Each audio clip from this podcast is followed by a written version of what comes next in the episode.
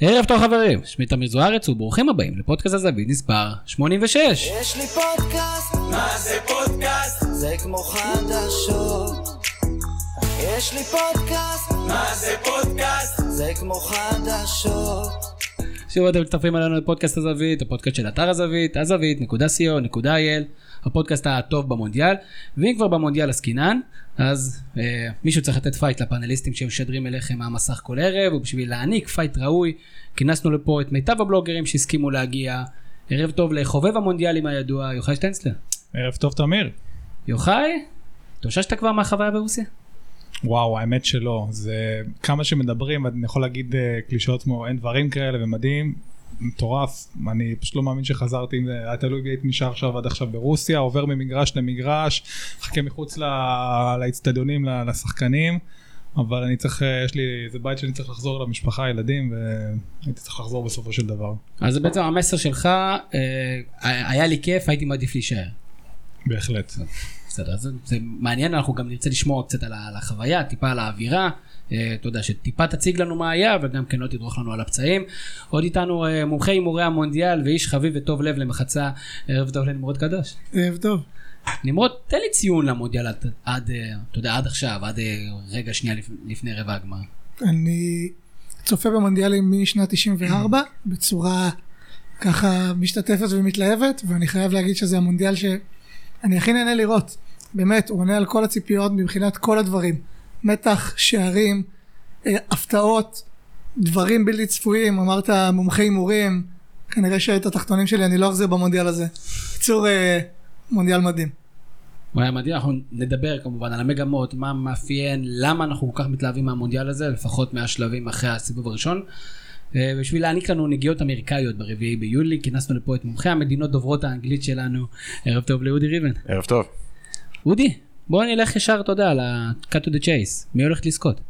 במונדיאל או ב-NBA? במונדיאל, ואתה יודע, תתן לי בונוס גם NBA. מונדיאל, אה, הלב רוצה אנגליה, אבל אה, מאמין שברזיל, ברזיל יקחו. אוקיי, אנחנו נדבר קצת על ברזיל ולמה כולם חושבים שברזיל הולכת לזכות למרות התחלה לא הכי מרשימה ו- ומה לגבי NBA, מה העסקה, נשים את לברון לצד, מה אנחנו צריכים, מישהו שלא עוקב אחרי NBA, למה הוא היה צריך לשים לב ביומיים האחרונים? זה שגולדן סטייט קודם כל לא איבדו אף אחד, שזה תכלס גם בלי להוסיף אף אחד הם היו הכי טובים. עכשיו גם הוסיפו את קאזנס, דמרקוס קאזנס, מניו אורלינס, שדי אה, מוסיף עוד אה, ארון, אה, סליחה עוד. מסמר בארון של התחרותיות בליגה. אה, תכלס יש מצב טוב שגולדן סטייט כל כך טובה שיכולה לקחת גם את המונדיאל וגם את ה... מעניין, אנחנו נציע את האופציה הזאת, מניח שסף בלטר היה לוקח את זה, הייתה לו הזדמנות ולקבל על זה עוד כמה שקלים. כן. אז אנחנו נדבר על המונדיאל כמובן, חוויות מרוסיה של יוחאי, ננתח את השמינית, נעשה צפי מסוים לרבע, ויש כל מיני דברים נוספים שאני רוצה לדבר עליהם, כמובן עבר פה, ואנחנו מנסים לראות האם היו בכלל שינויים. בעקבות ההתאמות מסוימות שהנבחרות עשו בעקבות עבר. מסי ורונלדו כבר לא איתנו, שזה טוב מבחינת כאב הראש שאנחנו לא נשמע עליהם, אבל בוא נראה האם זה עושה משהו לגבי המורשת שלהם כ- כשחקנים גדולים. נדבר קצת על הבדלי פיזיות, על כל מיני מגמות שאנחנו רואים. אז בוא נרוץ כבר קדימה, ויוחנן אני חוזר אליך. מוסקבה, תתן לנו איזה סנפשוט של יום בחיי אוהד שהולך ומסתובב במונדיאל.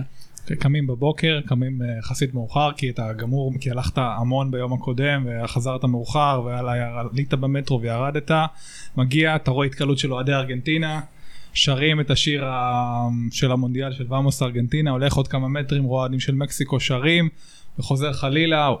אה, תתן לנו בבקשה קצת, אתה יודע, טיפה מהלחן. ו- ועמוס ארגנטינה, איך הוא הולך, בבקשה, מילים ולחן עממי. או-אה, או-אה. אה, טוב, קודם, רק שנייה, הם מסדרים לי פה, אוקיי. אה, מסדרים. לא שרתי מאז הבר מצווה, בואו ננסה. ואמוס ארגנטינה, סבקיו תקרו, ריסר פרימרו. כל מי שבמוסקבה, או בכלל בדרום אמריקה, בדרום- אני אומר דרום אמריקה כי זה הרגיש לי כמו טיול בדרום אמריקה, כל מי ששם יודע את השיר. אני חזרתי, חזרתי הביתה, חזרנו בטיסה הביתה, כל הישראלים מזמזמים את השיר הזה, כולם כבר יודעים את המילים.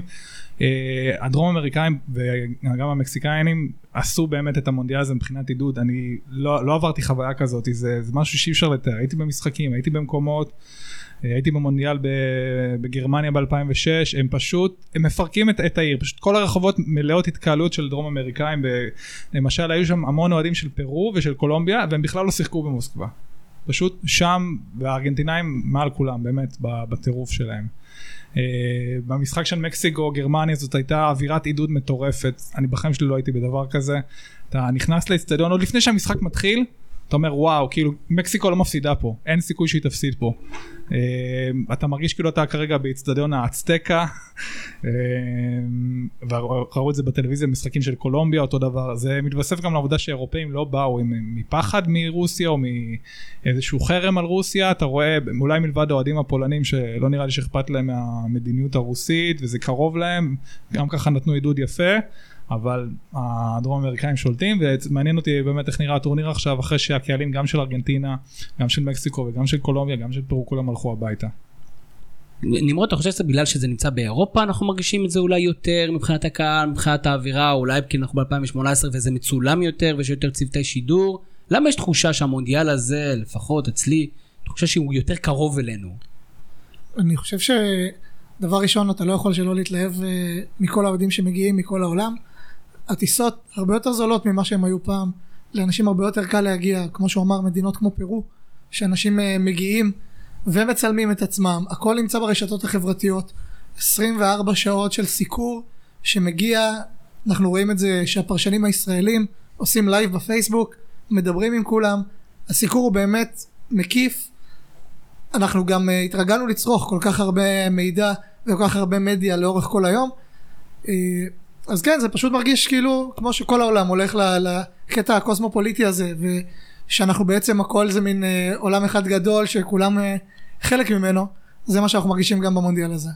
אגב עוד משהו קטן שגם כן תרם האוהדים הרוסים בעצם ברגע שרוסיה הצליחה נכנסו שם לטירוף אה, זה עיר של 18 מיליון איש וברגע שהאוהדים המקומיים בעניין בתוך העיר אז זה מוסיף כל כך הרבה אני יכול לתת דוגמה הייתי בליון לפני שנתיים אני חושב שגם אתה היית אודי כן. נכון.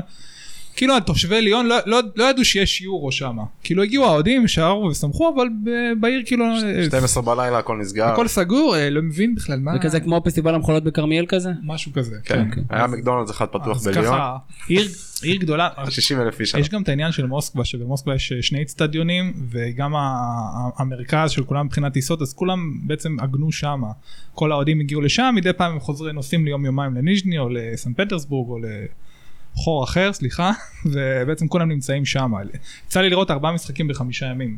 זה, זה לא הגיוני ברמה של מונדיאל אבל רק בעיר כזאת כמו מוסקבה עם שני אצטדיונים זה, זה משהו שאפשרי. אני מעניין אותי, אתה יודע, דיברנו על זה באחד בפודקאסטים לפני בערך, אני חושב כמה חודשים, והיו חששות לגבי יוקר המחיה והיכולת של הרוסים לארגן אה, טורניר כזה גדול, ומבחינת הבטיחות והחוליגנים הרוסים. משהו מזה שלא הגיע לתקשורת ו... ואתה ראית? קודם כל אני יודע שהיה איזשהו אירוע דריסה אבל לא, לא הייתי קרוב אליו בתוך העיר איפה שלא ראיתי הוא שום אפילו היה מצולם, נכון. הראו את הערת. אה, שום אירוע, אה, אווירה טובה גם בין האוהדים, לא שום אלימות, שום מכות, שום דבר, באמת הכל באווירה טובה של שירים. יוקר המחיה במוסקבה לא כזאת יקרה כמו שאומרים, היא אפילו די זולה, ואני הבנתי שכאילו זולה יחסית למה שאנחנו מכירים פה, והבנתי שהמחירים עלו ביחס למה שבדרך כלל. אז uh, בקטע הזה, באווירה ואיך שהמטרו מתוקתק, וה- וההכוונה ל- לאצטדיונים ולאזורים של האוהדים, ממש ציון, ציון 10. ממש נהדר וזה גם זה גם חשוב במקום מה שנקרא מערבי ומרכזי וזה גם כן מוסיף לאווירה הטובה שיש. אודי, איך אתה מתרשם מהמונדיאל עד עכשיו? מונדיאל מצוין. אה, חבל שדנמרק עפו. נהדר שאנגליה נשארו. אה, ואני חושב שזה נחמד שחלק מהנבחרות הגדולות שהן גדולות בשם אבל אה, קצת יותר קטנות ביכולת משחק שלהם הלכו הביתה. מה, מי, מי, מי, מי עד עכשיו הפתיע אותך? הפתיע האמת קרואטיה למרות שהרבה ציפו ממנה להיות אה, מין אה, סוס שחור כזה אני חשבתי שקצת יהיה להם קשה לעמוד בציפיות האלה. אבל בכל זאת הם אה, אני חושב שחוץ מברזיל הם הקבוצה שהכי הרשימה אותי עד עכשיו. מגניב. תשמע, אם אנחנו מדברים על מפתיע, אפשר אה, רגע לפתוח דיון על שוודיה. הם כאילו, הם עשו כמו, אה, כמו בלוני טונס בספייס ג'ם, הם לקחו את כל הכישרון ההגנתי של איטליה ברגע שהם העיפו אותה, והם לא מסוגלים לקבל גול, גם אם הם ממש מנסים, לא מצליחים להבקיע נגדם. אה, נבחרת שהרבה מאוד אנשים מתלוננים, אומרים הם משחקים הגנתי, הם משחקים לא טוב, אני יכול להגיד שאני רואה נבחרת שמשחקת כיחידה אחת, אה, מאוד מאוד קשה להכניע אותם, הם לא מוותרים על שום כדור. הם איכשהו תמיד יגנבו את הגול הזה, אפילו טויבונן שהבקיע בערך אה, חצי שער כל העונה הזו, אם זה אפשרי מבחינה סטטיסטית, גם הוא נותן אה, תפוקה במונדיאל. אה, אתמול זה היה חצי גול בדיוק מה שהעלה אותם. כן, והם עכשיו, ב, אתם יודעים, הם עכשיו ברבע הגמר, ומי יודע. יש שיאמרו פייבוריטים. אז בואו נדבר באמת על רבע הגמר הזה, אם אנחנו כבר מסתכלים צפונה, שוודיה הולכת לפגוש את אנגליה, ואודי אני חוזר אליך, אנגליה יש המון המון, אני קראתי היום את כותרות העיתונים, ויש איזה אופוריה, ניצחנו פנדלים, משחק חלש, בינוני, נקרא לזה, של, של אנגליה, שמצליחה להעפיל בגלל משקוף בפנדל הראשון שהוחמד של אה, קולומביה. אני לא ראיתי משהו יוצא דופן מאנגליה, למה האנגלים כל כך אופטימיים? בגלל שהם אה, ניצחו פנדלים בפעם הראשונה בהיסטוריה שלהם במונדיאל ופעם אחרונה ביורו היה לפני 22 שנה. אה, אחרונה וראשונה. אחרונה וראשונה נכון. וגם כי הנבחרת האנגלית הזו אני חושב באה עם הכי מעט ציפיות שאי פעם אני חושב אחד מאיתנו זוכר שעכשיו הם עלו. מנבחרת אנגלית הבעיה היא שברגע שקרה מה שקרה מול אה, קולומביה אה, כל ה- הציפיות הטבעיות וכל ההתלהבות הטבעית אה, מתפרצת החוצה. השיר פרי ליאמס לדעתי מושמע הוא קפץ באיזה 5 מיליון צפיות זה בתוך תמיד 12 שעות. ככה, הם עושים את זה כל שנתיים. בטורניר שהם עושים, אז מה, איך אנחנו רואים את המאבק הזה נמרוד? דבר ראשון מתבאסים שזלטן לא שם בשביל אה, לקבל גול אה, במספרת מ-40 מטר, כמו שהוא שם נגד האנגלים במשחק ידידות. השוודים לא מבאסים אבל שהוא לא נמצא. השוודים בכלל לא מבואסים, והאמת שזו נקודה ש... שכדאי להתעכב עליה. עוד פעם אנחנו רואים ש... שאחד השחקנים הכי חשובים לא נמצאים, דרך אגב בניגוד לקולומביה, שהם, כל מה שזה עשה זה רק גרם להם אה, לבוא וללכת מכות ולא לנסות לשחק כדורגל, אה, זה מה שראינו אתמול. בהיעדר של 20 חמאס. בהיעדר חמאס, אז כשזלטה לא נמצא פתאום כל השוודים נראים כמו, באמת כמו קבוצה, כי כשזלטן שיחק, כל הכדורים היו חייבים לעבור דרכו. זה הרגיש כאילו אם לא מוסרים לו, משהו בהתקפה לא בסדר. אה, ועכשיו פתאום הם כן מראים שיש להם עוד כישרונות, שיש להם עוד שחקנים טובים, והם גם מראים שוב את היכולת הקבוצתית, שזה מה שבדרך כלל, מה שמאפיין מדינות סקנדינביות. המשחק הקבוצתי הזה, אנחנו יכולים לדבר גם על אה, איסלנד, גם על דנמרק, כן. כמובן, אם אנחנו נחזור עד 92 ואם אנחנו נדבר גם על עכשיו, אה, וכמובן גם אנחנו רואים את השוודים במשחק, במשחקים האחרונים. אנחנו רואים את זה בכל מיני מקומות יוחאי, לדוגמה אני זוכר שלי זה כאב באופן אישי כשראול אה, בדיוק יצא מנבחרת ספרד ופתאום נבחרת ספרד הפכה להיות הנבחרת, הנבחרת הכי טובה בעולם. אה, יש לנו עוד דוגמאות כאלה? קודם כל לי זה גם כן קרה באופן אישי. לך זה קרה באופן אישי, באיזה נבחרת עזבת? לא, לא, מה שאתה סיפרת גם כן, ראול כמובן, דיבורים על כך שהוא לא אהב להיות על הספסל במונדיאל 2006 והם היו מעולים, ואז למרות עם כל הלחצים הכניסו אותו במשחק הקריטי נגד צרפת והם הפסידו. אני זוכר את המקרה של אריק קנטונה, לדעתי מנצ'סטר יונייטד אה, זכתה בטראבל עונה אחרי שהוא עזב אם אני לא טועה. לא שנתיים. בעונה שהוא עזב הם הפסידו את האליפות. כן. אוקיי, אולי דוגמה פחות טובה. יש את אה, דנמרק ביורו 92 שמיכאל לאודרופ לא בא. הוא ונילסון התכסחו לקחו בלעדיו.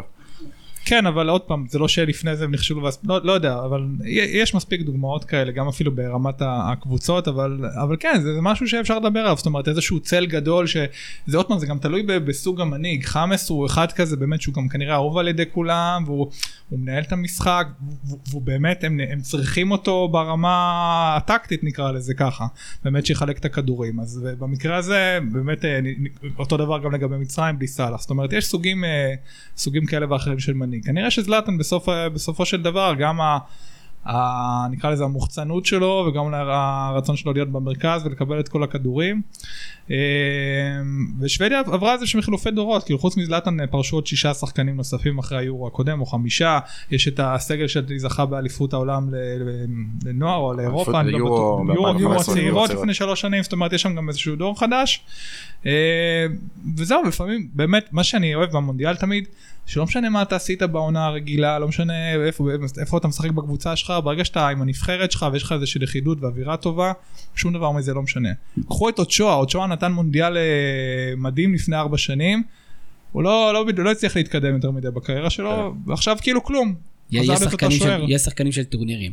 יש משהו ב- בגאווה הלאומית, אה, עושה אותם יותר גדולים ממה שהם, המשקל הסגולי שלהם יותר גבוה, בשוער זה קצת קשה להגיד את זה, אבל בשחקנים אחרים זה, המיקום שלהם הרבה יותר מתאים, כי הנבחרת בנויה על שחקנים כאלה, שבמקומות אחרים הם לא השחקנים. אחת הדוגמאות לא. שדיברנו עליו זה חמאס, שנכון שהוא לא רע בקבוצות האירופאיות שלו, אבל כשהוא משחק בקולומביה הוא זורח. לוקאס פודולסקי זה דוגמה מצוינת של שחקן שבאמת בנבחרת הוא היה נראה כמו אחד השחקנים הכי טובים בעולם ואז כל שנה כאילו באמת כל פעם אחרי המונדיאל היית מסתכל והיית אומר רגע הוא בן אדם של שלושה שערים בעונה. הנה, הדוגמה הכי טובה, אני חושב שאין פה בן אדם או באיטליה שלא זוכר את טוטו סקילאצ'י הגדול. טוטו סקילאצ'י, כמה שערים הוא כבש במונדיאל? שישה. שישה. כמה שערים הוא כבש בנבחרת חוץ מהמונדיאל? אחד. אחד? אחד נוסף. כאילו לא עשה כלום בקריירה, לא התקדם, לא הצליח וזה, אבל בכלל היה מחליף לאיזשהו חודש שלם, הוא הוא הצליח להיות אגדה עכשיו 30 שנה אחרי. או אולג סלנקו, לא? אולג סלנקו? כן. לא, אני יודע את זה הכל מהחידונים של יוחאי, זה לא... אין לי ידע אישי. האמת לגבי שוודיה אנגליה אני חושב שהבעיה העיקרית של האנגלים ששני היתרונות כביכול הגדולים שלהם מצבים נייחים שכמה דיברנו על דיברו על כמה שסאופגייט הכין מצבים נייחים מתוחכמים והיתרונות הפיזיים שלהם בנבחרות מול שוודיה כל זה מתבטל כי השוודים מצוינים בקרנות וכדורים חופשיים וזה אולי הנבחרת הכי גבוהה וחזקה שיש בה בטורניר הזה. יש שם קרב אה, גוג ומגוג. כן, אה, מגווייר וסטונס מול אה, לוסטיק וחבורתו זה... כן, אנגליה אתמול- חטפה גול בקרן, אז... אה, כן. טוב, זה בכלל גם כן היה אה, מינה במשחק, בטורניר הזה בכלל מטורף עם שלושה שערים בראש. משהו יוצא דופן, הימורים חבר'ה. מי הולך להפיל? שוודיה. אנגליה. אה, הלב אה, רוצה אנגליה, הראש אומר הלב, אנחנו שוודיה. בענייני הלב פה, אנחנו כן, הימורים. כן, אנחנו מרקו. אה, שוודיה. אני אקח אנגליה, נו מה, מה יכול להיות? למרות שאני חושב ששוודיה. או תיקו. או תיקו. דרך אגב, שימו לב, אה, עד עכשיו רק עברנו את שמינית הגמר, כל מה שהנבחרות האלה היו צריכות, היו שניים וחצי משחקים טובים עד עכשיו, כך שקשה אפילו לזהות מגמות מסוימות, אה, ואז אולי באמת זה יעביר אותנו להמשחק של רבע הגמר, משחק שבקלות יכול להיות גם הגמר, בלגיה ברזיל, אז קודם כל, איך אנחנו מתרשמים מברזיל עד עכשיו? אני מאוד אוהב לראות את ה... דווקא, כמו שאתה אומר, יש נבחרות שקצת קשה להתרשם מהן, קח לדוגמה את אנגליה, שהיה לה נקרא לזה משחקים קלים, ואז משחק שלישי בכלל הוציאה את כל ההרכב, אז אתה בכלל, בעצם התחילה את הטורניר אתמול.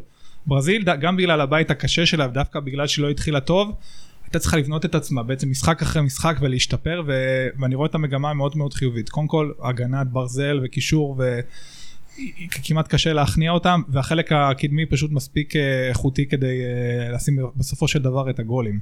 אה, לא סתם באמת אומרים שם עומדת מספר אחת אתה רואה גם את החילופים זאת אומרת מרסלו- ודגלס קוסטה. מרסלו נפצע מכניסים את אה, פיליפה לואיז עכשיו קזמירו מושה אז הכניסו את פרננדיניו מסיטי באמת שהיא נבחרת מאוד מאוד מאוד חזקה היא גם, היא גם מגובשת אני חושב שנאמר למרות כל ה...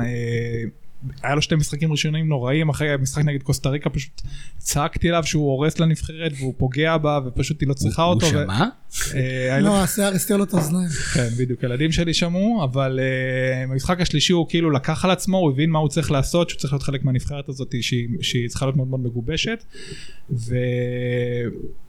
ועוד פעם אני טפו טפו טפו כנגד ברזיל אבל עדיין הם עומדת מספר אחת לזכות. אני חושב שיש פה דווקא שני דברים. א', אני חושב שהעליהום על נעימר, אמרתי את זה גם בפודקאסט הקודם, כי זה היה במהלך העליהום, אני חושב שהעליהום עליו היה מוגזם לחלוטין. כאילו חיכו לו בפינה איפשהו, לא יודע אם זה בגלל המעבר לפריס סן ג'רמן הלא תחרותית, או העזיבה של ברצלונה, או בגלל שציפו ממנו גדולות ונצורות. לא חושב שהוא היה גרוע כמו שעשו ממנו, לא היה טוב. זה לא עניין של גרוע. אני- אני- ואני, גם חושב, סליחה, שאתה יודע, גם התחילו לדבר בכל מיני פאנלים, שהוא לא מנהיג, והוא סתם בלרינה, ושלא אוהבים אותו בברזיל, וכל מיני דברים שאני לא יודע אם יש להם צידוק. אני מעולם לא שמעתי דבר כזה, להפך, תמיד הוא נחשב למאוד אהוד, והוא כן המנהיג של הנבחרת הזאתי, כבר כמה שנים, אלא אם כן מישהו כאן רוצה לחלוק עליי, אז זה מהבחינה הזאתי. מהצד השני, אני לא כל כך מתלהב מברזיל, אני חושב שברזיל מלאה, דיברו הרבה על ההגנה החזקה, ואני אני מניח שהנתונים הם נכונים ותומכים. אני ראיתי במשחק נגד מקסיקו נבחרת מאוד מאוד פגיעה, ולבלגיה יש בהחלט יכולות להכאיב לברזיל, ואנחנו העלינו היום סקר בקבוצת הגולשים שלנו לגבי מי הפייבוריטית לזכות, והרוב המוחלט אומרים ברזיל, והשאלה אם זה רק בגלל השם, או אה, שאנשים רואים אה, דברים אחרת. אז אה, שים לב שגם אתה וגם יוחאי ציינתם את ההגנה המאוד חזקה של ברזיל, אה, וברוב המונדיאלים הגנה זה מה שמביא את הגביע בסוף. בכלל, הגנה זה מה שמביא אליפויות. אנחנו יכולים אה, לדבר שעות על אה, התקפות ועניינים של תיאום, אנחנו בנבחרת, אוקיי? אתה לא מקבל גול, יש לך מספיק כישרון התקפי, בדוגמת קוטיניו, נאמר, שחקנים, פירמינו, ז'זוס, שחקנים שיכולים, וויליאן. וויליאן, שחקנים שיכולים, יש לך כל כך הרבה שחקנים שיכולים פתאום להידלק ולתת גול או לתת את המסירה, ל- ל- להשאיר שחקן מול שוער, שהם לא צריכים יותר מדי, הם צריכים לא לקבל גולים, ואת זה יש להם את הקישור האחורי הכי טוב בעולם, אני לא חושב שמישהו בכלל יכול להתחרות בזה, אוקיי, השחקן, צרפת אולי? אני לא חושב, אני ממש לא חושב. אוקיי. כמה שאני אוהב את קנטה, אה, השילוב של קסמירו, שזה אחד מהקשרים הכי חזקים באירופה, מחזיק את כל הקישור של ריאל מדריד, יחד עם פרננדידיו, שבכלל לא משחק, שהוא אחד מעמודי התווך של מנצ'סטר סיטי, אחת הקבוצות הכי טובות באירופה השנה. כזה שחקן לשים על הספסל זאת באמת פריבילגיה משוגעת. יש להם מחליפים מדהימים בכל מקום, בכל מקום במגרש. כולל שוער. כולל שוער.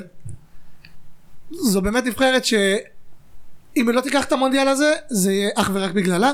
עם כל הכבוד לבלגיה, ויש לי המון כבוד לבלגיה, לא יהיו רחוקים גם לעוף מול יפן.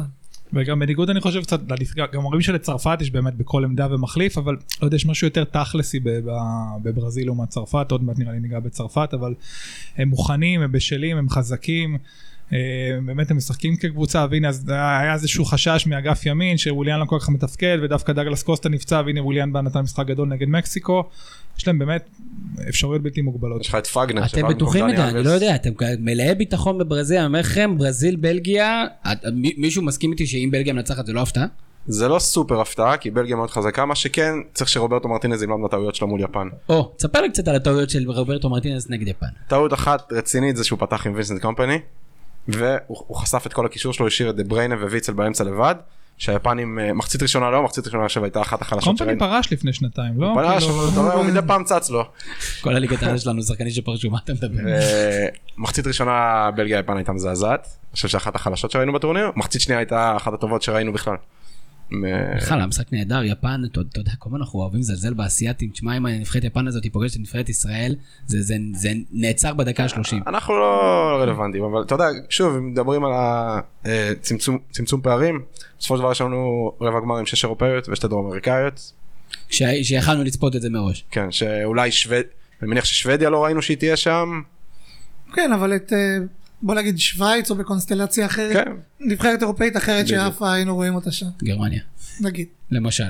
אה, בסופו של דבר בלגיה אני חושב שאם אה, מרטינז יעלה עם שלישייה באמצע שזה אומר אופל האיני עוד דמבלה שהוא לא כל כך השתמש בו בינתיים בטורניר אה, זה יכול לעשות צרות לברזיל במיוחד שקסמר לא נמצא אפילו שפרננדיניו פרננדיניו זה לא בדיוק ירידה ברמה אבל אה, זה אולי כן יחשוף איזה נדבך פגיע בברזיל. לא רק זה, אם הם ישחקו, אם מרטינז יתעקש לשחק אה, 3-5-2, אז משחק האגפים של ברזיל יכול אה, לגמור את המשחק מאוד מאוד מהר, רק תחשבו מה קורה ששחקני הגנה שהם לא בדיוק, תומה מוניה הוא לא באמת אה, מצטיין בצד ההגנתי, שלא, קרסקו. שלא נדבר על קרסקו שהוא בכלל לא מגן, ושאת השנה האחרונה שלו הוא אה, העביר אה, אה, בסין. משחקים מאוד פתוח, אה, כדור אחד של וויליאן על קרסקו עובר אותו ויכול להיגמר המשחק. אתם בטוחים מדי פה. אני חושב. שוב, מה שטוב שקרה לבלגיה באמת זה דווקא הפיגור הזה, אני חושב שזה הכניס אותם, אוקיי אנחנו בטורניר, כמו שאמרתי, גם נבחרת שכולם התלהבו ממנה בשלב הבתים, בסדר, אחלה כדורגל, אנחנו יודעים שיש שם אחלה שחקנים, שכשהכל פתוח הם מתקדמים, אבל לא היה להם אתגר אמיתי, ודווקא המחצית הזאת הכניסה אותם פה לאיזשהו מוד של טירוף, להבין שהם לא יכולים להגיע זכוכים, אבל מצד שני שוב, אני חושב שה... החלק ההגנתי של ברזיל יכול להתמודד עם החלק ההתקפי המוכשר שלהם ומצד שני ההגנה הבלגית כרגע לא נראית אה, מספיק אה, בקיאה מדי. אמרו שרק במחצית אחת יפן הגיעה ליותר בעיטות לשער ממה שברזיל היו נגדה בעצם כל הטורניר. אבל אה, שוב ברזיל עדיין פייבוריטית אבל אה, אני אגיד, בוא רגע נעבור לנקודה אחרת שמעניינת אותי שזה מאוד מאוד חשוב בעניין של בלגיה ויפן. אה, ברזיל, בניגוד ליפן, לא תפסיד לבלגיה במצבים הנייחים בגלל נחיתות אה, של הגובה. כן. אוקיי, אנחנו ראינו את זה. מרטינז נזכר בדקה 70 שהוא יש לו פתאום פתאום נותנים לפלאיני כדור וכאילו יש שם אה, חבורה של קטנטנים כאלה שכזה "אה, אני אעצור אותך אני אעצור זה לא קרה. אני אוקיי, באמת- זה אני לא. באמת חושב שגם אם היו עומדים אחד על השני הם לא היו לא מגיעים זה- אליו. זה בסדר זה רק השיער שלו זה גובה של יפני ממוצע. זה לא. יש שתי יפנים על כל רגל של לוקאקו לדעתי ב- בקרן. כאילו. ועדיין, יפן עשו מונדיאל מדהים. דרך נכון. אגב, אה, הערה אחרונה לגבי המשחקים האלה, האם אנחנו בעד פירמינו במקום אה, אה, ג'סוס, או שאנחנו לא משוכנעים? לא בטוח, יכול להיות שז'זוס יותר מתאים לשיטת משחק של ברזיל לפחות ב-70-80 דקות הראשונות. אני חושב שפרמינו בגדול שחקן יותר טוב, אבל יכול להיות שהוא מתאים לסיטואציה קצת אחרת. הימורים. יוחאי. חייב להגיד ברזיל. כן, ברזיל. אני חושב שזה יהיה קשה, אבל ברזיל. אתה חייב לקחת את בלגיה עכשיו. לא, אני אגיד לכם, אני, אני באמת, אני אמרתי ברזיל מתחילת הטורניר, וגם כשאמרו בהתחלה, אה, היא מאכזבת והכל, אני עדיין הלכתי עם ברזיל, משהו בבטן אומר לי בלגיה.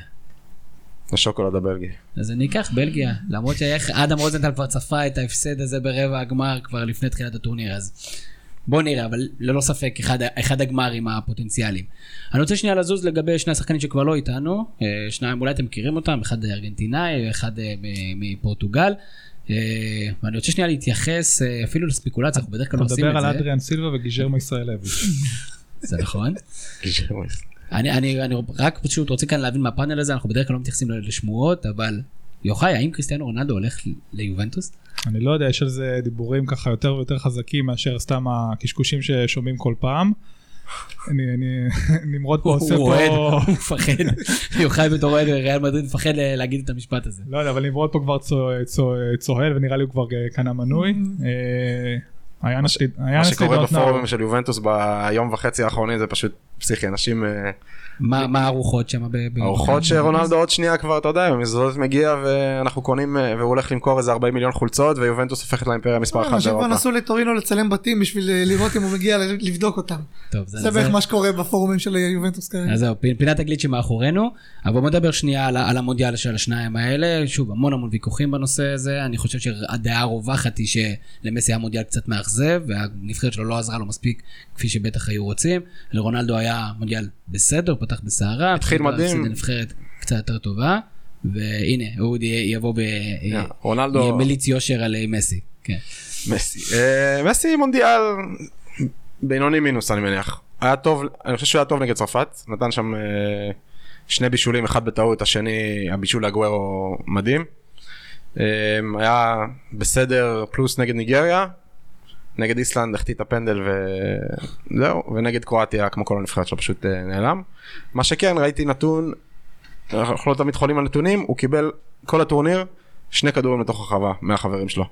אחד נגד איסלנד, אחד נגד קרואטיה. אה, זה רק מראה, אני חושב, לא בהכרח שחקנים לא טובים, אבל הבעייתיות בנבחרת הזו, ביכולת שלה, מצד שני, אגואר כובש שני שערים גדולים, אה, דימריה כבש שער מדהים, זאת אומרת, יש שם שחקנים שמסוגלים לעשות... הברקות כן. אבל מבחינת שיטת משחק ואיזה התקפיות, אה, יכולת התקפית רציפה, לא ראינו כלום ארגנטינה. נמרוד, אנחנו נזכור לו את זה, שאין לו מונדיאל? אני חושב שאנשים תמיד ינסו לזכור לו את זה, אני לא מצליח להבין למה. זה בסופו של יום אנחנו מדברים על זה ש... אז הוא לא הצליח אה, שלוש פעמים לבוא ל... לשבעה משחקים עם הנבחרת שלו, אבל הוא לא יכול להיות מנותק ממה שקורה מסביב. אנחנו כבר לא בכדורגל של פעם, שכוכב אחד יכול לסחוב נבחרת איתו עד הסוף. אה, כולם מכירים את כולם, הרמה של הנבחרות הקטנות מאוד מאוד עולה. אי אפשר לעשות קסמים, לקחת שחקן אחד שייקח יעבור את כולם ויבקיע כל משחק. אה, בטור המאוד אה, מאוד מאוד טוב של רום טלדן אה, על התפקוד של שחקנים במונדיאל הוא העלה מפת חום של מסי וראו שמסי ב-90% מהזמן נמצא באזור קו האמצע אם שחקן כל כך טוב כל הזמן נמצא בכזה אזור במגרש איך הוא יכול להוביל את הנבחרת שלו איך בכל הבלגן של ארגנטינה שכדי להתאמן למונדיאל הזה טסה להאיטי ואז כל הפארסה שהייתה בישראל איך הם יכולים בכלל להגיע במצב נורמלי למונדיאל? הם לא התאמנו, הם לא ראו אחד את השני, מביאים כל מיני שחקנים שלא שיחקו ביחד, אה, המון המון פוליטיקות, כאילו, דיבלה לא רואה כמעט שנייה במונדיאל הזה, זה פשוט בושה. שזה מתחבר לעוד אה, שתי טענות שאני, שאני רוצה גם כן לקחת בדיון הזה. א', יש, עושים, עושים השוואה כפולה בין מסי ללברון אודי. אומרים אוקיי, מסי כמו לברון קובע הכל בנבחרת ובקבוצה ובגלל זה הכל על הגב שלו. והוא בוחר מי יהיו החילופים ואיזה שחקנים יביאו ומי יזומנו. הוא לא אוהב את איקרדי אז איקרדי לא הגיע, הוא כן אוהב את... אה, לא יודע, פברון אז הוא כן הגיע, כל מיני שטויות כאלה, ומצד השני גם כן כל, אומרים עוד משהו שאני קשה לי מאוד להתחבר אליו, שכולם סביבו נגרים. אתה יודע, אמרו את זה על לברון עכשיו בגמר האחרון, לא כולם נגרים סביבו, ומצד שני עכשיו בארגנטינה, כן, כולם נגרים סביבו, וגם לזה אני לא מתחבר, כי מה, אתה, אתה מסתלבט עליי, היגוארו זה, זה, זה נגר, ואז שאלה, האם הוא אולי באמת, כשאנחנו נזכור אותו, נזכור אותו בתור השחקן הכי גדול, או אחד מהשחקנים הכי גדולים שנגעו בכדור, אבל לאו דווקא כמנהיג הכי גדול. כן, מנהיגות אני לא חושב שאי פעם הייתה משהו שדיברו עליו שזה חלק אה, מרכזי מה... נקרא לזה המורשת של מסי, אבל זה לא משנה, אני לא יודע, קרויף אף אחד לא מדבר על זה שהוא לא זכה במונדיאל. שחקן גדול שהשאיר את החותם שלו גם כשחקן גם כמאמן. מסי עוד 20-30 שנה אני לא חושב ש... בוויכוחים עם רונלדו אבל יבואו עד אז כבר עוד שחקנים ושחקנים אנשים צעירים פחות יזכרו את העניינים האלה. אני חושב שההבדל המהותי בין איך ששניהם נראו במונדיאל הזה זה, זה פחות הם זה יותר הנבחרות שלהם. ארגנטינה כמו שאמרנו ראינו נבחרת מבולבלת שלא יודעת מה היא רוצה עם מאמן ש... שלא שולט בשחקנים שלו בלי שיטה ברורה שמשתנה ו... ובלי שחקנים ש... שתומכים שמבינים מה הם רוצים. זה באמת יותר תנו למסי בוא נראה מה הוא עושה. אתה רואה בפורטוגל נבחרת קצת קשה לקרוא לה מוגבלת אבל כן יש לה המון מגבלות יודעת בדיוק מה היא רוצה, איך היא משחקת, איך היא ממקסמת את היכולות של רונלדו, עם, אה, עם שחקנים ככה, באמת, אה, כדורגל מבוקר, מוסרים לו את הכדור לאיפה שהוא רוצה, ונותנים לו באמת את האפשרות להתבטא. בארגנטינה זה לא היה, זה ההבדל הגדול ביניהם, בגלל זה אני לא חושב שצריך לראות את זה לרעתו של מסי, אלא אם כן כמובן יש לו חלק גדול בבלגן הזה, ואז זה כבר מכניס אותנו למקום אחר. זה כבר אין מה לעשות אני שמועות. חושב שכולנו פחות או יותר מסכימים עם, עם השורה התחתונה פה, המונדיאלים לא יהרסו למסי, ו... אבל אתה יודע, להתווכח תמיד אפשר. המורשת שלו היא חתומה וסגורה, לא המונדיאל לא ישנה את זה לדעתי. בוא נדבר על עוד מישהו שכרגע מתחיל לבנות את המורשת שלו, קיליאן אמבפה, וזה כבר יוביל אותנו גם כן למצ'אפ של צרפת אורוגוואי, עוד משחק מאוד מאוד מעניין. אמבפה ונמרוד, כשאנחנו התחלנו לדבר לפני, ה... לפני הפודקאסט, אתה אמרת, מה, מדברים עליו תגלית. בן אדם שילמו עליו כבר כמעט 200 מיליון אה, יורו. אז תגלית הוא לא, אבל כמה גבוה קיליאן אמבפה יכול להגיע? ילד בן 19 שכבר מצליח לעשות עוד וי, כמה ויים מרשימים מאוד, ואנחנו, אני זוכר שזה רק שמינית הגמר. אה, הרבה פעמים מדברים על שחקנים כשהם מאוד מאוד צעירים ומתחילים אה, לקטור להם כתרים אני חושב שלקיליאן אמבפה יש את זה יש שחקנים כאלה שאתה רואה את, ה, את ההילה הזו סביבם אתה רואה את הנגיעות שלהם בכדור אה, ואני לא מסתמך רק על המונדיאל אלא יותר על העונה במונקו שבאמת הוא נתן עונה מצוינת לילד בן 17 הוא הראה בגרות ויכולת סיום באמת קור רוח מול השער. יש לו מהירות מטורפת עם הכדור, בלי הכדור. הוא עובד מאוד מאוד קשה. אני דווקא חושב שהמעבר לפריז די אה, פגע בו. שם אותו בצל של נאמר אה, קוואני. הוא לא כל כך הצליח שם. אני לא חושב שהעונה שלו הייתה כל כך טובה. לא הצליח? אני לא יודע. אה, בפריז דרך לקחת אגב, אולי הצל הזה הוא היה טוב לו, בכל זאת, תקשיב, אם אני מגן ימני בפריס סן 18. ג'רמן אנחנו כנראה לוקחים אליפות בסדר אז לקחת אליפות בפריס סן ג'רמן זה לא כזה לא כזו הצלחה גדולה לא כמו להגיע עם אה, מונקו לרבע גמר ליגת האלופות אליפות. ולקחת אליפות מפריס סן ג'רמן אה, אני מאוד מקווה בשבילו שכן נאמר יעבור ילך לריאל משהו כזה כדי שנוכל לראות ממנו יותר ואני גם מקווה שהוא אולי יצא מצרפת כי כל עוד הוא נשאר בליגה הצרפתית הוא, הוא דג גדול בבריכה מאוד מאוד קטנה. אה, ואנחנו רוצים לראות אותו מופיע על הבמות הבאמת גדולות. אני בטוח שריאל מדריד לא יתנגדו אה, להביא חלוץ כזה אליהם. אני בתור אוהד יובנטוס אם היית אומר לי את רונלדו את אמבפה עכשיו כמובן שעם ההסתכלות העתידית הייתי אומר את אמבפה. זו אמירה רצינית. אה, אני חושב שבפה באמת טוב היה לו משחק מדהים נגד ארגנטינה אין ספק אבל לא, לא שהוא לא שחקן גדול אנחנו יודעים כל מה שבעצם נמרוד אמר ששנה מדהימה במונקו ופוטנציאל באמת יש לו את זה אבל אתם יודעים הייתה שם אני חושב איזושהי סיטואציה מסוימת במשחק שאפשרה לו ככה לפרוח. הקישור המאוד מאוד רך של ארגנטינה האיטיות וגם זה שארגנטינה קצת יצאה קדימה. ברגע שקצת פינו לו שטחים ראיתם 2-3 מסירות וטאק נגד אורוגוואי אנחנו אני מאמין שאנחנו לא נראה את אותם דברים אה, ימררו לו את החיים אה, אז אני אומר שהוא באמת הוא גדול אנחנו יודעים הוא לא תגלית אה, אבל לא צריך באמת להכתיר כתרים על משחק אחד. מתחבר גם למה שנמרוד אמר באמת בליגה הצרפתית זה לא רק ה... אולי הרמה הכללית של, של הליגה או הכוכבים שסביבו העובדה שאין שם תחרותיות אתה לא שואף קדימה אין לך איזה משהו שמניע אותך כל הזמן. זה גם מתחבר לג... קצת לדעתי לאחד הסיבות של הכישלון של גרמניה שלא דיברו עליה עליו שבעצם חלק גדול מהשחקנים של גרמניה מגיעים מבאייר מינכן הם כל העונה משחקים בהילוך שני קשה לך לבוא ככה בסוף עונה פתאום להרים את עצמך. ולפני ארבע שנים לא שיחקו בהילוך שני כשהם לקחו את המונדיאל. אני חושב שהפערים גדלו הרבה יותר אני לפני ארבע שנים הרבה- דורטמונד הייתה הרבה יותר נכון. אה, הרבה יותר מלחמה. מינכן. אפ- לא יודע אפילו קחו את ספרד, נגיד קחו את ריאל וברסלונה, אז נכון שהן גם מטיילות בעצם ב-90% מהמשחקים, אבל יש להם אחת את השנייה, כאילו שנושפת בעורפם, אז הם, חייבים כל משחק ומשחק לעלות, כי הם חייבים לנצח אותו ואסור להם להפסיד נקודות. וזה בעיה, זה בעיה שיש בכדורגל העולמי, החוסר התחרותיות. כן. כן. דצמבר יש כבר 15 פער בדרך כלל. נכון. ואז מחליפים מאמן כדי שזה יהיה 50. סתם, שיהיה מעניין יותר. מה אנחנו ראינו עד עכשיו מצרפת, אודי? צרפת ראינו משחק לא טוב נגד אוסטרליה. אה, משחק, אה, לא נקרא לזה מכור, אבל סגרו מראש מול דנמרק. ונגד אז הופעה אחת, גדול- הופעה אחת טובה נגד נבחרת שנויה במחלוקת. נבחרת שכאילו, כמו שיוחאי אמר, היה תפור על מידותיה של צרפת, על כל היתרונות שלה. אה, שוב, אני גם, אני לא לגמרי משוכנע, אמבפה יהיה כוכב, אני לא בטוח, אבל שההתלהבות הנוכחית ממנו. אנחנו המבוגרים סקפטיים. כן, חבר'ה צעירים. אני רוצה לראות אותו מול נבחרת באמת אורוגוואי, זו נבחרת שהפוכה מארגנטינה. אה, אולי האיטליה, אנשים שרומנטיים לגבי כדורגל איטלקי, אני חושב שאורוגוואי מביאים קצת מהצ'ארם הזה. אה, זה כדורגל, שני חלוצים. מהצ'ארם. כן. השנוי במחלוקת. יש, יש סיבה למה הנבחרת האיטלקית נורא אוהבים אותה, אפילו שזה לא כדורגל הכי יפה בעולם.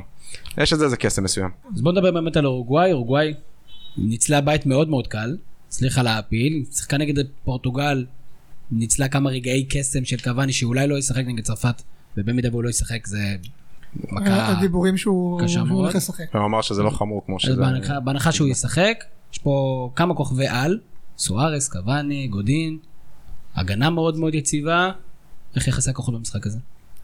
אני ממש חושב שזה 50-50. אה, אנשים אה, מסתכלים על הצוגה הגדולה של צרפת וקצת אה, מבטלים את אורוגוואי ואני לא מבין למה. נבחרת שיש לה מרכז הגנה של אתלטיקו מדריד, שזה חימנז וגודין, שכל השנה גם משחקים ביחד, אוקיי, חימנז לא פתח את כל המשחקים, אבל הם משחקים המון ביחד. מוסלרה שהוא שוער אה, מצוין, ובכלל זו נבחרת שבה תיתן ביסים לצרפתים, הם יביאו תרתי משמע סוארז. שסוארס לא לוקח לך יותר מדי ברצינות. כנראה. אה, אבל באמת, נבחרת מאוד מאוד קשוחה, אבל עם המון כישרון. זה לא רק שהם שחקנים אה, חזקים, אוקיי? יש גם את אה, למשל טוריירו שעכשיו מדברים עליו שהוא הולך לחתום בארסנל. אה, קוואני וסוארז שווים גול נגד כל אחד בכל מקום, במיוחד כשהם משחקים כל כך טוב ביחד, כמו שראינו במשחק האחרון, בישולים מצד לצד זה היה נראה כמו משחק פיפא. זה היה פשוט.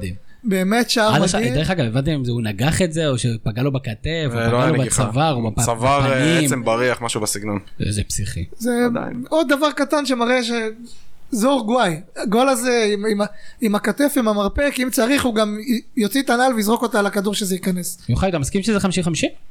אני רוצה להגיד שזה לא בלתי נמנע שאורוגוואי תזכה בגביע העולמי. זה- לא, אתה יודע, אם אני זוכר נכון שאני ראיתי את הסקר אצלנו בקבוצה היום, אורוגוואי דורגה מקום שני מבחינת הזוכות האפשריות. אבל אה, יכול להיות שה... תראה, קודם כל הם, הם יכולים, הם פשוט אם הם רוצים, אתה לא מפקיע נגדם, פשוט ככה נקודה.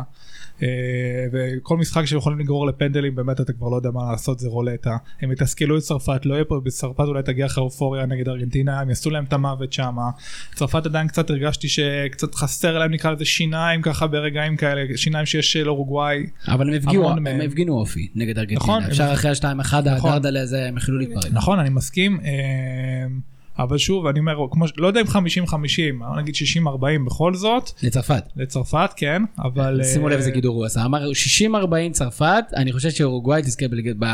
לא. אמרתי שזה לא בלתי נמנע זה לא יופי, זה שום דבר לא יכול בלתי נמנע. להיות, ואולי גם לא. לא, אני כבר רואה את פוטין לא, מעלים אני- את הגביע. לא, אני-. בוא נקרא לזה ככה כמו שאנשים אומרים אולי אנגליה תזכה אולי בלגיה תזכה אז אורוגוואי היא מועמדת לגיטימית לכל דבר אולי אפילו יותר משניהם אז אה, הימור. אורוגוואי בפנדלים. אורוגוואי ב-90 דקות. אני בשוק עליכם, כן? האמת שאני גם כן הולך עם אורוגוואי. וגם אה, ב-90 דקות. ואני אפילו אלך עם. צרפת, ותשמעו, ואני אגרוף הכל, ואתם... מה, גריזמן עדיין לא התחיל לשחק. פוגבה... אה, תקשיב, לא אנחנו. מדברים על צרפת, על צרפת. אל תשכחו, זה עולם עם ור. הם תקשיב, רואים שיחקו מה שגודין 20 עושה. דקות טובות בכל המונדיאל הזה בערך. אבל איזה יופי. אוקיי? הם נתנו 20 דקות מדהימות שהכל התחבר להם, אבל כל שאר הזמן שהם שיחקו, הם היו נראים כמו חבורה של יחידים, שאין להם מושג מה הם עושים על המגרש. אני מאוד לא אוהב את אה, דידיה דשאן, אני חושב שהוא מאמן לא טוב, הוא לא שולט בשחקנים שלו. אה, כמובן בתור אוהד יובנטוס אני עוד זוכר לו עונות שלמות של שעמום, ש, שבאמת הבן אדם לא יודע להביא יותר מ- מסך החלקים שיש לו. ובצרפת זה מאוד מאוד חשוב כי הם באמת יחידים מאוד מאוד טובים אבל אם אתה מצליח לחבר שם קבוצה כמו שהם שיחקו ב-20 דקות שפתאום הכל התחבר להם זו קבוצה שיכולה ללכת באמת עד הסוף וגם לנצח את ברזיל. איזה תשובה ארוכה להגיד שאתה חושב שאורוגוואי תזכה. תעבור, לא אמרתי תזכה. אגב, אני לא יודע למה הזמנת את שלושתנו, היה מספיק אחד, כי יש לנו... כן, זה- זה אותם דעות. דעות והכל, זה- אז- זה- מכעיס אותי. ואתה אוהדי מכבי חיפה הם הרבה. בוא נרוץ לשאלות הגולשים כדי שאולי הם יצליחו להוציא מכם טיפה אה, שוני. אה, אגב, אתה יודע שיש עוד משחק, כן? עוד רבע גמר. אנחנו נגיע אליו, אני לא רוצה, אתה יודע, לא, אני רוצה קצת לגוון. אבל כן. אנחנו מעבירים, אה, דרך אגב. עד עכשיו כל המשחקים שלא ציפיתי מהם כלום היו מעולים. ואתמול אני ישבתי לראות אנגליה קולומבי עם ציפייה שזה הולך להיות המשחק הכי- הכי מגניב אי פעם. ובאמת היה היה פשוט מתיש. אבל מה אתה שמדהים... מכין אותנו לבלגיה ברזיל שהולך להיות כאילו שימות אבל- אותנו. מאוד יכול להיות. אבל מה שבאמת מדהים במונדיאל הזה שגם המשחקים הכי רעים והכי לא מעניינים והכי משעממים בסוף. יש לך איזה דרמה כן, גדולה. כן, כן. יש לנו את הנתונים של כמה שערים היו אחרי דקה 90? שזה נתון כזה שמסתובב, ומשהו אה, מטורף, כאילו הרבה יותר. מכל המונדיאלים אי פעם. בי פאר הרבה יותר מכל המונדיאלים אי פעם. אגב רק משהו חשוב לציין על זה בכל זאת הערת הסטטיסטיקאי בגלל עבר המשחקים יותר ארוכים אז אתה יודע מה שגול שבעצם דקה 90 זה כאילו 85 וזה אבל עדיין הרבה גולים דרמטיים ואני לא אהרוס. בסדר גמור. אה, כן, אה, נשלף- נשלפו לנו, הסטט- הגיע לידינו הסטטיסטיקות של הדקה ה-90, אודי בינתיים מנתח אותם. כן, משה אה, קשטן בדיוק שלח את זה. משה, אז זיכרונה לברכה. אנחנו ב-19 שערים. 19 שערים אחרי דקה 90? כן. וואו. היו 19 שערים במונדיאל עד עכשיו? היו הרבה יותר. 19 שערים אחרי דקה 90. זה משהו מטורף. ככה זה נראה? כולל הערכות כאילו? אם זה הערכה זה נחשב? לא היו גולים איזה גולים בהערכות. בהערכות תגיד בסדר, לי. בדקתי אותך. הערכות זה פיקציה, אנחנו... טל בר יוסף. שואל אה, שאלה די כללית, אז בוא נראה מי- מי מי ירים את זה. הוא אומר השאלה הכי מתבקשת, מה לעזאזל קורה במונדיאל הזה? יוחאי. באמת באמת שלא ברור. אבל התחלת להגיד, עבר גורם לכך שיש יותר דקות, גורם לכך שיש הרבה יותר אירועים, גורם לזה שמשחקים נפתחים יותר מוקדם.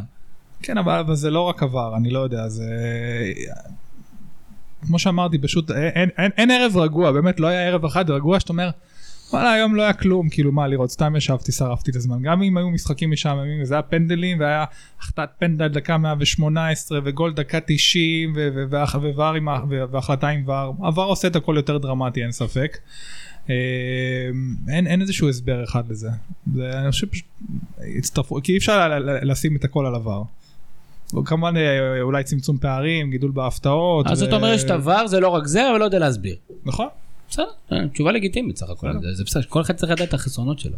יונתן מאיר שואל אה, שאלה שאנחנו גם התעניינו בה לקראת הפוד, הוא אומר במקום כל ההתייחסויות למה גדולות מפשלות, גרמניה מבוגרים, ספרד עם המסירות ושיטת משחק מיושנת, לתת קצת יותר על למה הקטנות מצליחות, למה יפן מצליחה, למה רוסיה מצליחה, אני לא בטוח שזו אותה תשובה דרך אגב. אה, לאחר מכן יש לו שאלת המשך ואומר איך ישראל יכולה ללמוד מזה, מה באמת אפשר לקחת ומה לא מתאים לנו. ואני רוצה להתייחס לחלק השני ואני אגיד ש... לדעתי, ואנחנו דיברנו על זה הרבה בפודקאסטים פה, ישראל צריכה להבין שהיא נבחרת קטנה, למנות מאמן של קבוצה קטנה, אה, a.k.a יוסי אבוקסיס, ולשחק כמו קבוצה קטנה. אנחנו רואים שזה עובד לנבחרת כמו יפן, ורוסיה זה קצת פשוט מוזר. כי כאילו ספרד היא באמת קצת נבחרת משקרת לעומת היכולת שלה, והיא לוקחת את ההחזקת כדור לאקסטרים, והבית הראשון שלה באמת היה בית חלש, מסתבר, למרות אה, בבא. כאילו רוסיה, ויוסי. רוסיה עמדה בציפיות שלנו שהיא נבחרת חדשה ואיכשהו עדיין ברבע גמר למרות, נכון. זה, למרות הכל. אה, בוא רגע נפריד את יפן מרוסיה, כי זה שני דברים שונים לחלוטין. דבר ראשון, אה, לכאורה ברוסיה, אתם יודעים, אולי פוטין נותן להם איזה מיץ אומץ ככה לפני המשחק, לכאורה. לכאורה. לא, אבל, אבל ברצינות, זה היה להם, לכאורה. היה להם בית, מעולם לא פחדתי כל כך מלכאורה שנאמר פה על השולחן הזה. היה להם בית ש... נאמרו פה הרבה לכאורות. כן. אנחנו, אנחנו ניקח עוד לכאורה על ההגרלה הזאת שסידרה להם את אה, ערב הסעודית שקיבלה מהם חמישייה ואת מצרים שמכרו לנו בתור הנבחרת הגדולה ובסוף גילינו שגם לערב הסעודית הם לא מסוגלים לשמור על תיקו יש, אה, בדקה 94. צ'ק בחשבון בנק של סרחיו רמוס מממשלת אה, רוסיה. אה, לא- אז, לכאורה. אה, אז את זה אני לא אגיד כי, כי לבוא להתבנקר משחק אחד ולהגיע לפנדלים ולנצח זה יכול להיות והרוסים באמת הצליחו לעשות את זה מצוין נגד ספרד. אנחנו עכשיו נראה אותם מול הקרואטים שהקרואטים נראים מצוין. אה, נבחרת קרואטיה זו לא ההזדמנות לא שלה. היו מדהימים נגד דנמרק. הם לא היו מדהימים נגד דנמרק אבל קשים. כן אבל רוסיה היו קשים לדעתי באותה מידה, גם כן בנקרו, עם קהל ביתי, עם אה, ככה ניסיון לגנוב.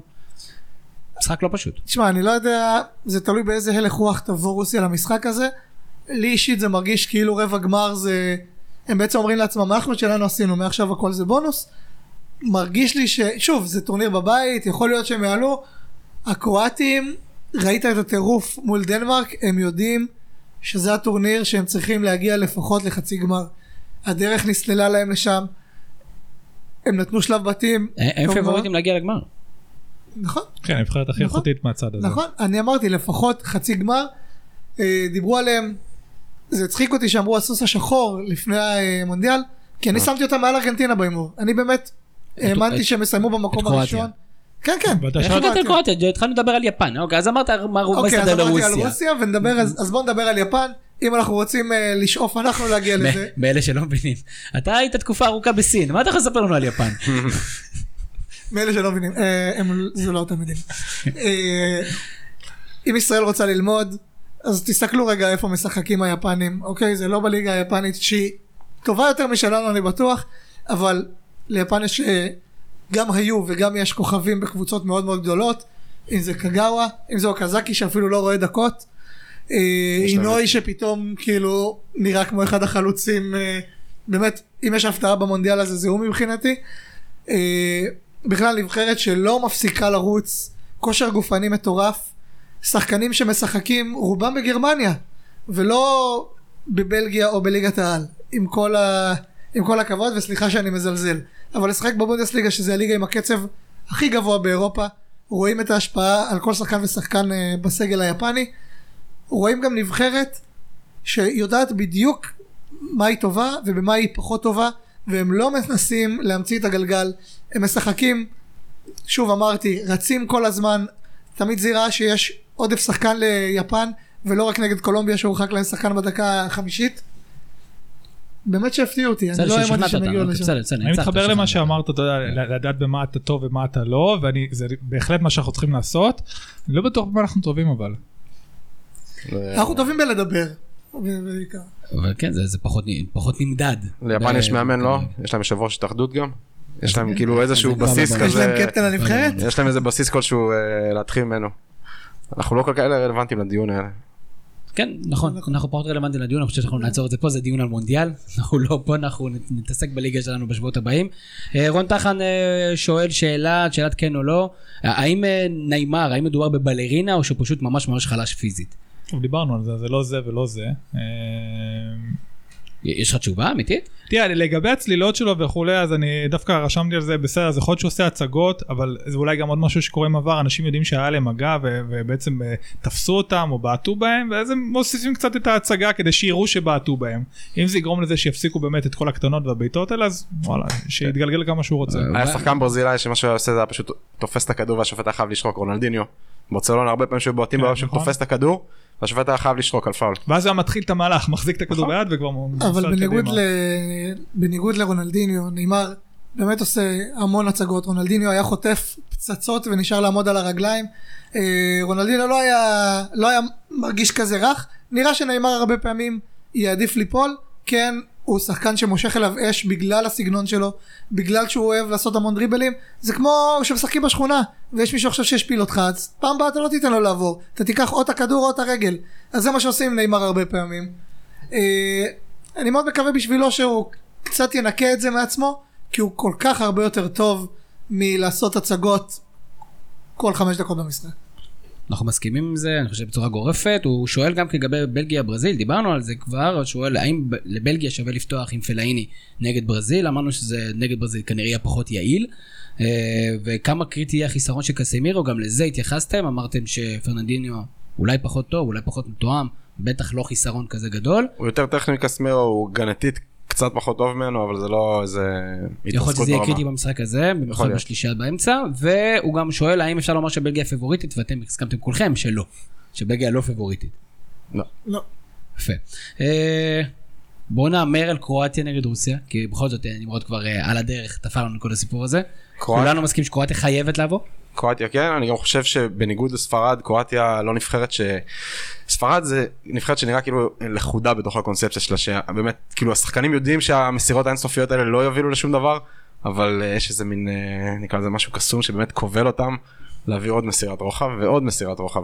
הם כן הגיעו להזדמנויות מול רוסיה, אני חושב שקרואטיה נבחרת הרבה יותר תכליתית ופרקטית, עם חלוצי מטרה אמיתיים קצת יותר יעילים, מה- שיותר, שהכדורגל הקרואטי יותר מתאים אה, לנצל אותם, ואני חושב שזה יהיה מספיק. גם יש תחושה. שעדיין לא ראינו הכל מקרואטיה, נכון? כאילו ראינו חלקיקים, קצת התחבר להם נגד ארגנטינה במחצית השנייה, טיפה כזה כשהם פתאום רצו להרים את הרגל אה, על הגז נגד דנמרק, אבל לא ראינו עדיין המון מקרואטיה, אה, ממה שהיא מסוגלת, כי יש להם קישור טופ עולמי, יש להם התקפה יעילה, יש להם הגנה טובה, יש להם אחלה שוער מסתבר. יש להם, כן, יש להם עומק בחלוצים, אני חושב שרקיטיץ' הוא דווקא יותר X factor, מודריץ' הוא כאילו נתון, הוא לא ייתן משחק רע, הוא יכול להיות לא מדהים אבל הוא יהיה טוב. אני חושב שרקיטיץ' אם הוא באמת נותן משחק ממש טוב אז קרואטיה נבחרת אולי שנייה הכי טובה במה שנשאר בברזיל. דיברנו על זה, פיבוריטית להגיע לגמר. אה, יואב עמית אומר, אה, האם התקפות המעבר זה הטיקי טקה החדש? דיברנו על זה גם קצת לפני, שמי שמחזיקה בכדור לא נמצאת כבר במונדיאל. האלה, המחזיקות הכדור הקלאסיות, גרמניה, ספרד, לא נמצאות, החזקת הכדור לא הייתה לטובתם. כן, ה- ה- כאילו מה שהסתכלנו בנתונים, לא בהכרח כל מי שהחזיקה יותר בכדור הפסידה, אבל כל מי שהחזיקה המון בכדור כן הפסידה, שזה ארגנטינה, ספרד וגרמניה. גם פורטוגל וגם נגד פורטוגל, אורוגוואי. החזיקה המון בכדור והלכה הביתה, דרך אגב זה גם עלייה וקוצבה, כי בדרך כלל אתה מחזיק בכדור כשאתה צריך לתקוף בחמת זעם, ואז אתה כבר בפיגור. אה, נבחרות כמו אורוגוואי ברגע שהן מפקיעות מוקדם זה באמת. פשוט ציוט. כן, ועד שהצליחו לחזור. אז אנחנו, אנחנו מסכימים איתו. זאת אומרת, התקפות המעבר, נשק משמעותי במונדיאל הזה, המשיך להיות כך זה, גם כן הגול של בלגיה נגד יפן, התקפת מעבר לא, מתפרצת. מה ההבדל בין התקפת מעבר למתפרצת, מישהו יודע? אותו דבר. כדורסל יש הבדל, עד שמונה שניות. יש transition ו fast break אבל אנחנו גם רואים את זה בכדורגל מועדונים מעט הרבה פחות קבוצות רוצות להחזיק כדור. רואים את זה בריאל מדריד, אוקיי? זה אחת הקבוצות הכי גדולות באירופה שלא רוצות את, הכד... לא רוצה את הכדור ברגליים. עשו, הפכו את המתפרצות ל... ל... לאומנות. ודיברנו על זה להבדיל כמה הבדלות, על זה שזה היה ה transition שעשתה הפועל באר שבע בפלייאוף האחרון, נכון? שזה מה שמורן כהן במדד העוצמה, מה שבית"ר ירושלים עשתה. אני פשוט ב- לא ב- מאמין. שממונדיאל לריאל מדריד הגעת להפועל באר שבע. בסופו של דבר אנחנו פה, בישראל, ואם יש לנו משהו להגיד ולחבר לטורים שבאתר, זה מה שאנחנו נעשה נמרוד. זה מה שאנחנו נעשה. אגב, דיברת על ההוא שאתה מפוצץ בשכונה, אז יש את הטור הזה של גל ארנרייך על אה, חוקים בכדורגל שכונות, נכון?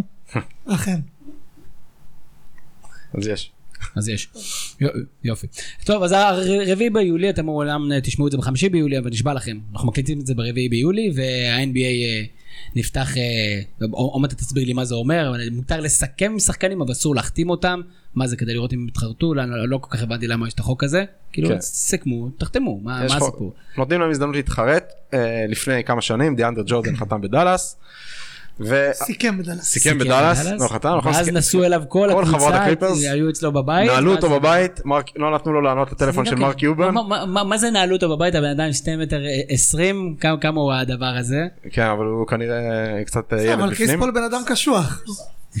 soft baby. כן הוא כנראה soft באמת דרך אגב זה, זה, זה זה דווייט האווארד. יש המון דברים להגיד לכל השחקנים האלה אבל ת- ל- ל- לטובת מאזיננו שאינם בקיאים בוא תדרג לי את חמשת העברות המשמעותיות ביותר שהם היו חייבים לשמוע עליהם בשלושת הימים האחרונים יש או חמש? הסיכומים חמשת הסיכומים אפשר להמציא סיכויים.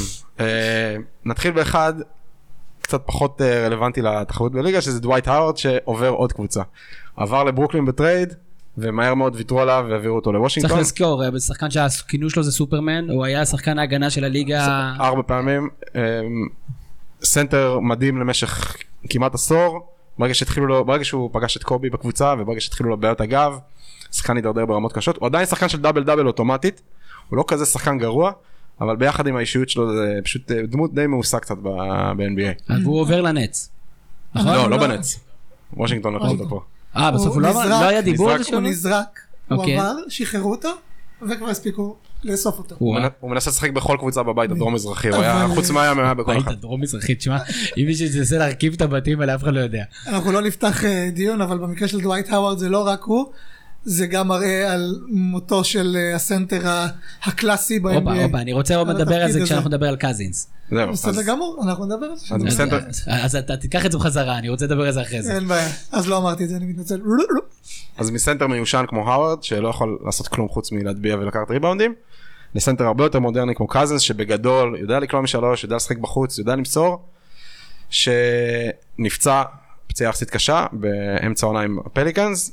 אה, הרבה חשבו שהוא לא, יחזור. לא, לא, אתה לא יכול לבוא לכאן ולהגיד פליקנס. עכשיו אנשים יגידו, מה המתנשא הזה הגיע? תגיד את השם של הקבוצה. הניו אורלינס ניו פליקנס. ניו אורלינס. לא, לא צריך פליקנס. טוב שלא אמרת את הכינוי של זה בעברית. הסכנאים? סכנאי. נכון, אנחנו אכן בישראל. אה, בוא תהיה קצת איזה. אז זו העברה שמזעזעת את ה-NBA ותגובות קשות גם כן ברחבי הטוויטר לסיפור הזה. מזעזעת ה-NBA. בגלל שהוא לקח חוזה לא מינימום אבל לא רחוק מזה. מה ההיגיון של שחקן שיכל להרוויח אולי 20 מיליון בקבוצת הבית שלו, אה, לעבור ב- בתמורת 5 מיליון? במקרה של קזנס זה שני דברים אחד הוא אף פעם לא היה בפלייאוף אה, הוא היה אמור להיות בפלייאוף בסדר, השנה גם אבל נפצע. אתה לא רואה אותו? סתם, כן. אתה רואה הנה. כספי גם מצא קבוצה הוא אמור להיות גם ב top five הוא אחד שלנו. מהחמש בדיוק. זהו. אה, ועל פי מה שאומרים ממקורות יחסית אמינים בארצות הברית הוא לא קיבל כמעט הצעות. אמרו שהלייקרס ירצו אותו הם לא הציעו לו פליקנס הציעו לו משהו כמו 20 מיליון על פי שמועות הוא לא רצה. הוא הלך למקום נשמע לי כמו הצעה פיירית.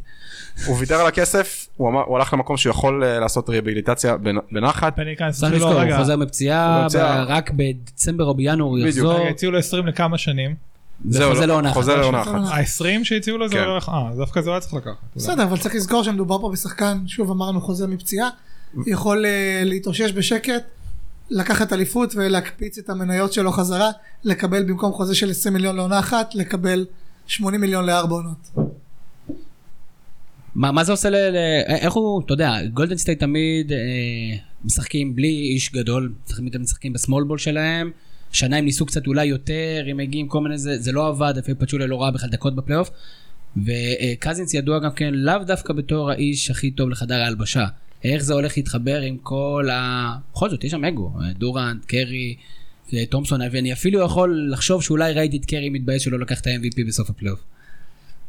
אני מאמין שגולדן סטייט לפחות חושבים שמערכת מספיק חזקה כדי להכיל את האישיות שלו וגם אם באמת זה לא יעבוד לשחרר אותו לא עולה כל כך הרבה כסף. הוא לקח חוזה של 5.3 מיליון דולר. הם משלמים אני חושב מעל 200 מיליון דולר עם כל המס מותרות וכל הבלאגנים האלה של התקרות שכר. אם זה באמת לא יסתדר לשחרר אותו לא יהיה נזק כספי גדול מדי. זה לא סיכון גדול כמו שחושבים. ומעבר לזה, כשאנחנו מדברים על איזה head case הוא, אנחנו צריכים לזכור את מי הוא החליף, שזה ג'אוול מגי, שגם כן לא הבן אדם הכי אה, אפוי בעולם, אוקיי? ובכל זאת, בואו נסתכל רגע על גולדן סטייט ונגיד שיש פה קבוצה שהחליפה את ג'אוול מגי בבוגי קזינס, וזה כמו להגיד שאתמול נפרדנו אני ודליה איציק והיום אני מתנחם בזרועותיה של בר רפאלי. אז אה, אני לא יכול למצוא הרבה גבות שיורמו נגד ה... כמובן, אני חושב שגם דליה איציק תצטרף אליך ותאשר את לכאורה, הסיפור דליה, הזה. לכאורה. לכאורה. למה אתה צריך? לא יודע, שלא תבוא תתבע אותי. לגיטימי, לגיטימי. אני- אני מכוער ממך, אני נשבע. יש אה, אישור של המערכת. אה, אודי, מי- מה הבא בתור? מקזנס עברנו לפול ג'ורג' שכולם ציפו שילך ללייקרס. שיעזוב את אוקלהומה בעצם. שיעזוב את אוקלהומה סיטי. ויברח מווסטברוק כמה שהוא יכול יותר רחוק. מכרמלו נראה לי עוד יותר ירצה לברוח ובסוף פול ג'ורג' לקח חוזה לארבע שנים עם 130 מיליון דולר. ששני הדברים מפתיעים אחד שהוא נשאר באוקלהומה סיטי וב' הוא היה יכול לחתום על חוזה קצת יותר קצר להגיע למצב שהוא 10 שנים בליגה ומשתחרר ל free agency ואז הוא היה יכול לחתום על חוזה supermax. שזה כבר כנראה עוד כמה שנים זה יהיה משהו כמו 45 מיליון דולר לשנה. תשמע, כשאני מזמין במקדונלדס אני תמיד לוקח את ה supermax. זהו. אני לא יודע איך הוא לא הלך על זה. ופול ג'ורג' כנראה התחבר נורא נורא טוב לווסטברוק ולכל מי ששמה והעדיף להישאר שזה די מפתיע. ו- ואפילו לוותר קצת על כסף. לוותר על. הרבה, לוותר על משהו כמו 80 מיליון דולר. נמרוד, אתה פעם ויתרת על 80 מיליון דולר? אה, אתמול, מה זאת אומרת? בגלל זה אני פה. זה נכון. יפה, מה מה- מה הבא הרביעי שלנו? רביעי ניקח, אה, אנחנו בישראל אמרנו, אז עומרי כספי. בוא נדבר על עמרי כספי באמת. אה, ממשיך את המסע שלו ב-NBA כשחקן ספסל משלים, לא... העיקר שהוא נשאר בליגה האמת בשבילו. האם זה גם חוזה מינימום או שלא התפרסמו בפרטי החוזה? אני- אם אני לא טועה זה מינימום או טיפה מעל, לא משהו שתיים, כאילו מינימום עכשיו זה כמה שתיים זה? כמה זה? 29 שקל לשעה? כמה זה המינימום? האמת שכספי כמה שנים כבר בליגה, אז המינימום שלו זה לא כמו שהוא התחיל עם אה, כמה זה מיליון שתיים או מיליון שלוש, הוא כבר אה, מעל השניים וחצי מיליון דולר לפי דעתי לעונה. מה הסיכוי שלו להשתלב שם? אה, לא רע, ממפיס קבוצה קצת אה, בתהליך מוזר שלא ברור בדיוק מה קורה שם, אני חושב שהם מנסים לעבור מהקבוצה הגנתית מעולה שמסתמכת על קונלי וגסול, למשהו אולי קצת אחר, עוד לא ברור. אני חושב שהם כאילו עוד לא הפנימו שהם צריכים לעבור ל tanking, כאילו הם כבר לא קבוצת פלייאוף, הם עשו את זה, עוד הם לא- עשו את זה בסוף שנה שעברה. לא הם לא צריכים לעשות את זה, אני לא מסכים. יש להם עדיין את קונלי שהוא אחד הרכזים הכי טובים בליגה, אוקיי היה פצוע, יש להם את מארק גסול, הם אה, בחרו בדראפט את, אה, איך קוראים לו? ברח לי רביעי. השם? כן, מספר, הייתה להם בחירה מספר 4 בדראפט. ברח לי השם, אה, דיארון, מה- לא, נו, ת- ברח לי השם, לא. תזרוק משהו, לא משנה, כל דבר. לא, לא, דיארון. לא, דיארון פוקס. לא משנה, בחרו בדראפט שחקן, ברח לי השם, ואנחנו נגיד ששחקן גבוה, יכול לשחק 4-5, יכול ליצור קו קדמי בליגה אמנם שהולכת אחורה, הם יכולים לבוא, הם כבר ניסו לעשות את זה עם זק אנדולף ומר גסול, ועכשיו בא שחקן שהוא אפילו מוכשר יותר, וכמובן צעיר כספי, יותר. כספי, כן, כן. לא, לא דיברתי על כספי, אבל כספי יכול להשתלב שם בעמדה 3 ולתת אה, דקות בעמדה מספר 4, יש לו סיטואציה לא רעה לשחק, אני מקווה שהוא אני חושב שזה יהיה. ייזכר ב- ב- ביד שלו מהשלוש וזה ייתן לו בדיוק, אני סיכוי חושב מאוד שזה יהיה גבוה. תלוי בשני היבטים. ג'ארן ג'קסון. ג'ארן ג'קסון. יופי, אה. זה הג'קסון ה- זה הג'קסון היחידי בליגה, נכון? אחד מהשמונה או התשיעה.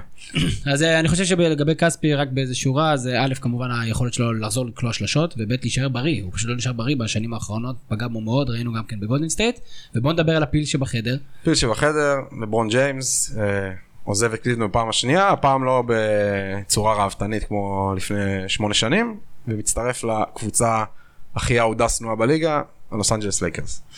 אז הוא עבר לשקרניקים ומה הסיכוי שלו לעשות שם אליפות או שמוקדם כי הסגלים עדיין לא הסגלים עדיין לא מורכבים. עדיין לא מורכבים, כמו שזה נראה, הכיוון של הלייקרס הוא לעונה לא הקרובה, אלא עוד עונה. שבתקווה שלברון יישאר המפלץ שהוא ופתאום, וימשיך בגיל 34 ו-35 לשחק כאילו הוא בן 24. הוא רק משתבח בוא בוא נגיד בוא נודה על האמת. אני יכול להגיד שבהתחלה הייתי מאוד מופתע מהבחירה של לברון, בטח כשראיתי שפול ג'ורג' לא מגיע, אה, שקריס פול חתם על אה, חוזה חדש ביוסטון, אבל אז התחלתי ככה לחשוב על מה הכיוון מאחורי זה.